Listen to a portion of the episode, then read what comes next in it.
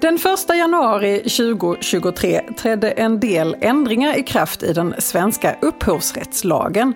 Och det får betydelse för de immateriella rättigheter som en arbetstagare kan skapa inom sin anställning.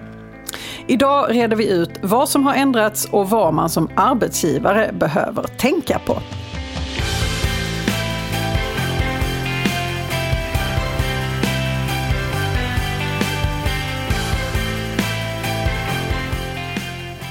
Hej och välkommen till Arbetsrättspodden. Podden för dig som verkar inom HR eller hanterar personalfrågor i din vardag. Jag heter Emelie Svensäter Jerntorp och arbetar som advokat inom arbetsrätt här på Vinge. Och med mig idag har jag min kollega Lisa Bogart som också arbetar på vårt Malmökontor och är specialiserad på IP-rätt. Ja, hej. hej Lisa! Hej Emelie, hej! Ehm, vi har ju pratat om IP i den här podden förr, ehm, mm. men nu ska vi dyka ner i de här nya ändringarna. Det känns väl bra? Mm, absolut. Ehm, och du är ju inte bara specialiserad på IP, du är specialiserad på process också. Det är en bra kombo. Mm, det, det är ju ganska ofta det blir tvister om just de här sakerna faktiskt. Men nu ska vi se till att vi inte hamnar i den situationen. Exakt så. Ja, men det är bra. Eh, jag kan faktiskt också passa på att skicka med en blänkare om att vi har en annan podd här på Vinge. Den heter IP-kompassen eh, och där pratade de faktiskt nyss om de här ändringarna.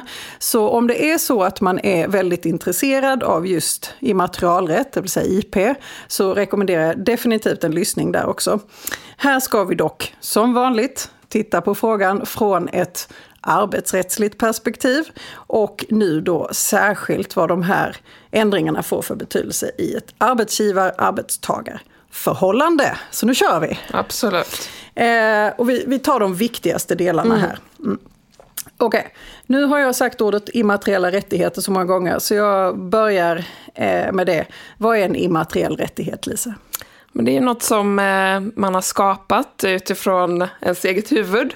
Det kan vara eh, uppfinning, patent, design av kläder eller möbler. Men det kan också vara upphovsrätt i en lite mer vardaglig mening som kanske oftare är aktuell för företag. Texter, bilder, ritningar, det omfattas av upphovsrätt. Och vad ska vi prata om nu? Ja, det är upphovsrätt. Det är upphovsrätt, ja men det är bra. Det är bra. Så, så text helt enkelt, i text eller ritningar i någon Eller form. foton eller bilder eller så. Så det är ett brett begrepp då helt enkelt? Det tycker jag. Mm. Mm. Eh, och nu har det ju då som sagt eh, skett en del ändringar. Det är från ett EU-direktiv det kommer ifrån, så det har skett vitt och brett här. Mm. Eh, vad, vad är det för ändringar vi pratar om? Ehm, det är egentligen två huvudsakliga ändringar som blir intressanta här idag. Ehm, och det handlar om vilken ersättning man har rätt till när man har skapat något som är upphovsrättsligt skyddat. Och det är kanske alltid intressant. Så, ja. kan ofta bli lite problem kring det. Men man kan tänka så här att upphovsrätt uppstår alltid hos en enskild person. Och sen måste man överlåta den rätten Eh, för att någon annan ska få kunna använda den. Och det, och, det, gäller då även i ett arbetstagar-arbetsgivarförhållande? Mm, det gör det ju. Ja. Normalt sett så reglerar man det i anställningsavtalet eller i kollektivavtal. Men det kan ju vara också att Mm, det är tyst i den delen och då finns det vissa hjälpregler som vi kanske har tagit upp i den här podden tidigare. Eh, men det kan ju också vara att eh, en, ett företag inte har egna anställda som har skapat det här utan att det är inhyrd personal eller konsult och så, Och då måste man också ha ett separat avtal. Och de här bestämmelserna nu då, som är aktuella, har trätt i kraft, de ändrar hur man får ingå de här avtalen, eller egentligen vad de får ha för innehåll i vissa delar. Och vad menar du då? Jo, men då är det eh, vilken ersättning har arbetstagaren rätt till här? Eh, och då, i en första del så, så innebär de här nya bestämmelserna att ersättningen måste vara skälig. Skälig. Det känns som ett härligt luddigt juridiskt begrepp. Ja, det är absolut. Och det är ju, blir liksom en utmaning att bedöma vad är skäligt. Eh, men det finns några liksom, hjälpregler på vägen. Eh, för det första ska man utgå från vad man kände till när man ingick det här avtalet. Vad såg man framför sig hur skulle man använda det här verket, den här bilden eller texten eller så. Och vad kunde man förvänta sig för intäkter? Ja, utifrån det, vad kan man tänka sig är en skälig ersättning? Och som arbetsgivare kanske man gärna vill att den ersättningen ska enbart vara det man får i lön till mm. exempel. Så då måste man alltså tänka på det när man anställer någon, att om man tror att någon kan skapa ett stort värde så ska man faktiskt betala därefter också då. Jo men den här lagbestämmelsen sätter inget hinder för att ersättningen ska utgå i en viss form. Så att det kan vara att eh, ersättningen som man får i lön, det är den ersättningen man får för, även för det här skapandet. Eller så kan det vara eh, att man får en speciell separat ersättning för eh, skapandet då. Så det kan vara lite olika. Men det, lagen i sig sätter inte hinder från någon av de här modellerna. Så det är inte så att alla ersättningar som har betalats ut nu kommer bedömas som oskäliga. Att allt måste höjas, det är inte riktigt så det är tänkt. Utan det handlar mer om att man ska fundera på och ta ställning till hur ser egentligen styrkeförhållandena ut här, eller värdering? Är den lönen eller ersättningen en rimlig i nivå utifrån vad vi får ut då som arbetsgivare? Så antingen så har man en otroligt välbetald arbetstagare som kan anses kompenserat fullt ut, eller så är det så att eh, man har en normalbetalad eller ja, på något annat sätt ersatt. Eh, och skulle det då vara så att det visar sig att den här eh, det här skapelsen som man, man, man har tagit fram, att den faktiskt är så otroligt värdefull. Då kanske man som arbetsgivare ska få en, eh, en, en liten tankeställare om att då kanske man ska ge någonting extra för ja. detta för att säkerställa att upphovsrätten verkligen går över till bolaget. Ja, så att man har betalat ut rätt ersättning.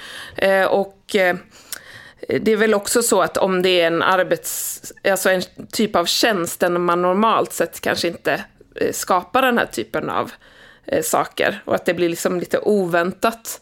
Det är ju också då en sån situation då kan det behövas extra ersättning. Så det behöver man ha lite koll på då som arbetsgivare? Absolut. Sen, sen kan man ha en annan hjälpregel och det är att sådana ersättningsnivåer som man har kollektivt avtalat fram, till exempel i kollektivavtal eller branschöverenskommelser eller så, de anses typiskt sett vara skäliga om man följer dem då. Så då kan man snegla lite på det? Eh, så det är en bra hjälpregel, liksom att mm, ja, lagstiftaren har inte velat ge helt frikort till det här, utan man skulle väl kunna tänka sig någon situation där, även om man följer ett kollektivavtal, att det skulle kunna bli oskäligt för att det är en sån jättespeciell situation.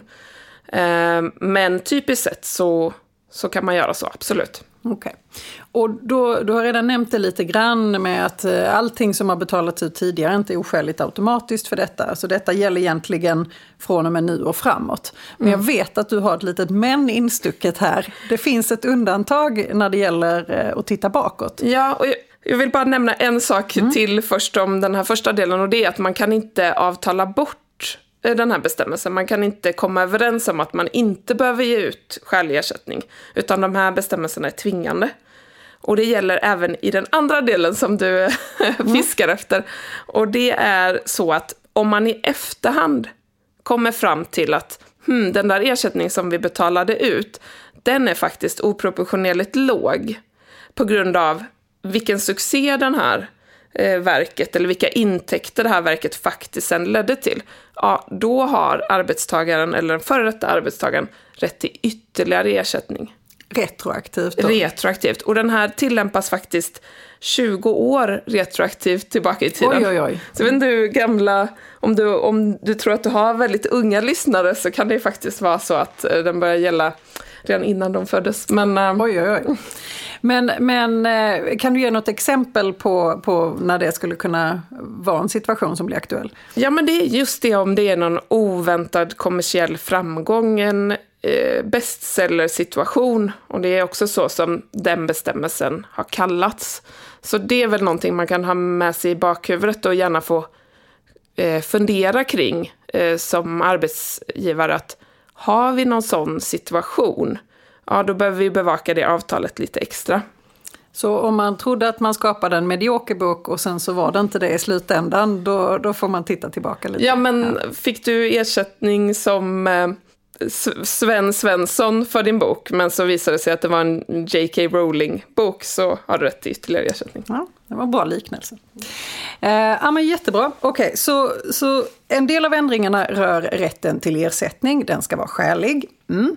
Eh, finns det någonting mer i de här ändringarna som vi ska tänka på? Ja, alltså, och det hänger egentligen ihop med båda de där två delarna jag nämnde. Dels att ersättning ska vara skälig och att man även i efterhand då kan ha rätt till ytterligare ersättning om det, om det visar sig att det är oproportionellt lågt. Och det är att man som arbetsgivare eh, kan ha en informationsskyldighet eh, till den anställda eller företaganställda kring vilka intäkter har faktiskt det här verket som man skapade eh, lett till? Och hur har man använt det? Eh, och det, det liksom är ihopkopplat med de där två andra delarna för att den anställda måste ju kunna bedöma om ersättning man har fått är skälig eller inte. Och då kan man ha en skyldighet att redovisa det helt enkelt. Och då har man den skyldigheten en gång per år. Så vad är det då för information som man skulle kunna behöva lämna? Ja, kanske försäljningsstatistik, eh, intäkter, utgifter så. Men det finns många undantag ska jag säga också kring den här informationsskyldigheten. Dels kan det vara att eh, om arbetstagaren bara har bidragit till en viss del, man kanske har samskapat det här, då har man inte den informationsrätten och inte heller informationsskyldigheten. Så det är ett sånt, eh, ett av flera undantag som finns där. Men det är egentligen en, en rutin som man behöver skapa som arbetsgivare och se till att eh, ja, men dels då bedöma eh, ersättningen och skäligheten till den och sen också såklart bedöma vilken typ av, eh, av information man behöver lämna och till vem. Ja. Eh, och har man inte haft några direkta intäkter från det här verket så har man inte heller någon informationsskyldighet ska jag också säga. Okay. Men, men visst, alltså det här skapar ju ändå, alla de här reglerna skapar ju ändå en lista, tycker jag, på saker man behöver ha koll på. Eh, man behöver först ha koll på vilka, vilket upphovsrättsligt skyddat material använder vi i vår verksamhet? Och vem har skapat det? Två, har vi avtal med de här personerna som ger oss rätt att använda de här verken på det sättet som vi vill? Tre, hur ser ersättningsnivåerna i de här avtalen ut? Är det skäligt? Stämmer det överens med kollektivavtal eller branschpraxis? Eller finns det något annat man kan snegla på här? Fyra, kan en sån här bestseller-situation ha uppkommit någonstans? Vilka avtal är det här? Vilka avtal är det vi behöver ha lite extra koll på? Och slutligen, eh, har vi någon skyldighet och till vilka Eh, att lämna ut information årligen. Vilka avtal kan det vara för just oss då? Så man måste eh, ta en liten analys över den här situationen helt enkelt. Och, eh, det var en bra checklista, den tycker jag man kan, eh, man kan försöka implementera i sina årliga rutiner.